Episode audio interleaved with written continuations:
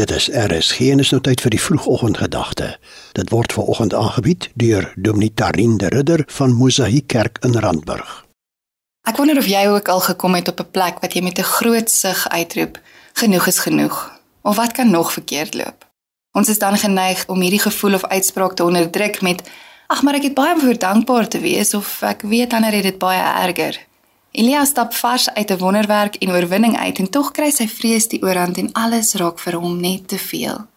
'n Mens sou kon sê hy het baie om voor dankbaar te wees en hy het dit nie so erg nie.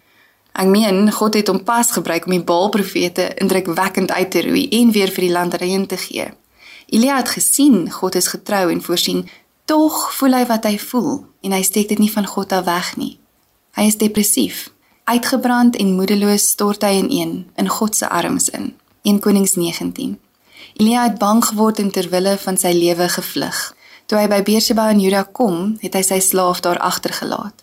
Hy self het egter 'n dagreis ver die woestyn ingegaan. Daar het hy onder 'n besembos gaan sit en gewens hy gaan dood. Hy het gesê: "Nou is dit genoeg, Here. Neem my lewe, want ek is niks beter as my voorvaders nie." Wat is God se reaksie op Elia se eerlike, moedelose selfbejammering? Hy's nie kwaad nie, Hy is nie ongeduldig nie. Hy is nie teleurgesteld nie. Hy ontmoet Elia daar in die woestyn. Die woestyn wat dwars deur die Bybel 'n plek van gestroopheid is, maar ook 'n plek van afsondering waar God sy mense na hom draai. God het Elia lief en weet wat nou vir hom nodig is. Elia moet eet en hy moet rus. Dan eers kan hy verder op sy reis gaan en die werk wat sy hart nodig het doen. Dalk dan drie uitnodigings uit hierdie gedeelte van Elia se storie. Eerstens wanneer ons ineenstort, kan ons dit in God se arms doen. Dis veilige arms.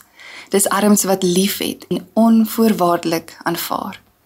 Dan wanneer ons met ongemaklike, moeilike emosies leef en bekommernisse of hopeloosheid in ons gedagtes maal, erken dit, voel dit en verbaliseer dit in jou gesprek met God.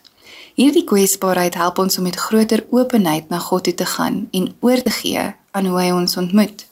Henry Nouwen sê, "We can convert our unceasing thinking into unceasing prayer by making our inner monologue into a continuing dialogue with our God."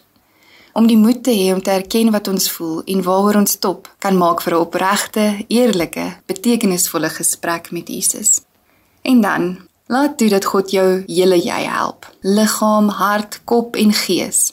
Rus soos wat nodig is, eet gesond, raak bewus van jou denke en emosies en ry so verder saam met God wat jou deur en deur ken. Dit was die vroegoggendgedagte hier op RSG, aangebied deur Dominee Tarin de Ridder van die Mosaïek Kerk in Randburg.